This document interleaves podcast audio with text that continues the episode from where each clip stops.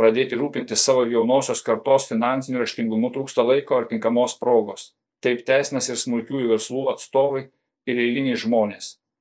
Esant ekonominiam pakilimui viskas ir taip gerai klostosi, o atėjus iššūkių metui dėliojami kiti prioritetai. Specialistai primena. Finansinis raštingumas.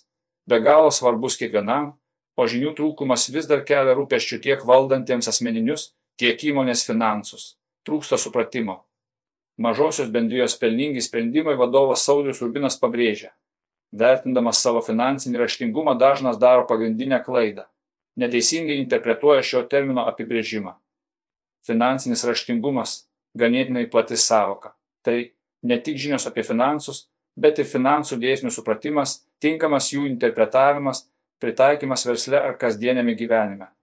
Kalbant apie smulkų į verslą, Finansinis raštingumas apima įmonės finansų analizę, finansinių duomenų supratimą, sprendimų, remiantis tais duomenimis prieimimą, paaiškino pašnekovas.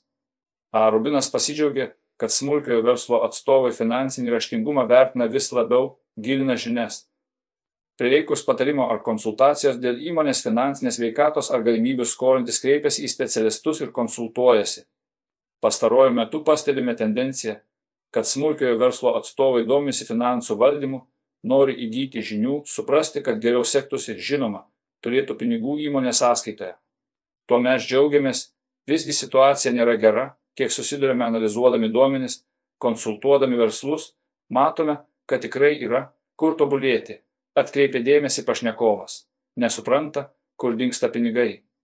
Smulkiųjų įmonių atstovų klaidos, tos pačios, konsultuojant, pašnekovo žodžiais paprastai tenka laužyti tris įsisenėjusius stereotipus. Bene dažniausias - dirbu daug, tačiau pinigų vis nėra. Taip pat klaidingai suprantami pelno savoka ir planavimas. Verslų savininkai nori sutaupyti, bet nežino, kaip tą daryti. Ekspertas pabrėžia, pelnas ir pinigai, priešingai neįmanoma, yra atskiri rodikliai, nors daugelis juos sutapatina, esą turi pinigų, turi ir pelno. Taip yra ne visuomet.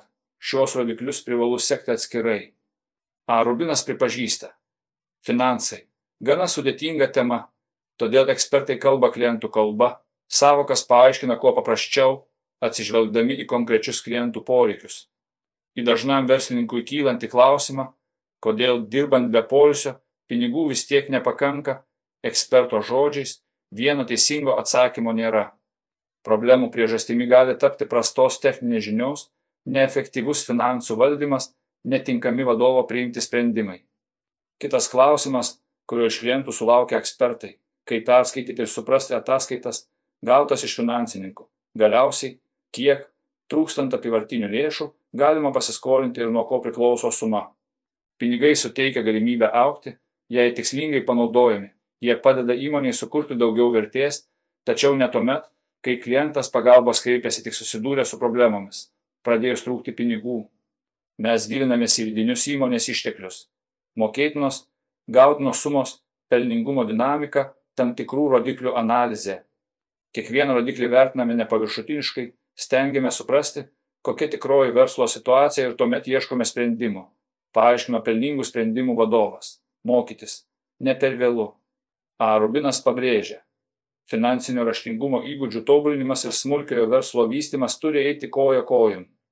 Finansų neišmanimas ir visiškas nesidomėjimas gali smarkiai sujaukti planus ir tapti pražutingi verslui. Finansų valdymo kompetencijos verslui itin svarbios, pinigai verslui, tarsi kraujas.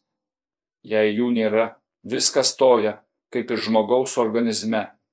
Žinoma, vadovui nebūtina pačiam visko daryti - kurti, pildyti lentelių, tačiau suprasti, kokius sprendimus būtina priimti verslo sėkmiai, tarti su įmonės finansininku. Labai svarbu, nes įmonės būklė, finansinė sveikata. Pagrindinis kriterijus kreipiantis dėl finansavimo. Dėstė ekspertas, ieško ilgalaikių sprendimų.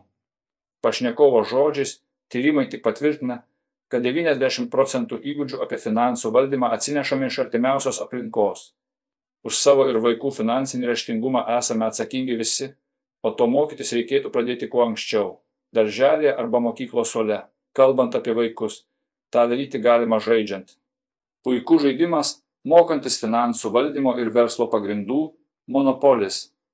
Žaidžiant su vaikais jie neretai lengvai pasiduoda greitiems pinigams. Žaidime turimą turtą greitai parduoda, neįvertindami to, kad verslas kuria vertę ir generuoja pajamas. Komentavo ekspertas. Realiame versle, kaip pastebi A. Rubinas, įmonės vis dažniau ieško ilgalaikių sprendimų ir savo situaciją vertina giliau. Labai džiaugiuosi, kad verslai ieško kompleksinių, sisteminių sprendimų, netrumparegiškų problemų sprendimo būdų. Mes į verslą ir finansų valdymą žiūrime sistemiškai. Pinigai mėgsta sistemą. Jei sukurta sistema, pinigai linkia kauptis. Tvirtino Arubinas. Ekspertas primena, kad nors finansinis raštingumas išlieka opi problema, o dėl finansavimo besikreipiantys asmenys vis dar daro klaidų, jų išvengti įmanoma. Vienas būdų - kreiptis į specialistus. Šiuo atveju gali padėti Svetbank, kur besikreipiantieji gali gauti konsultaciją apie finansų valdymą ir išsiaiškinti, kas yra kas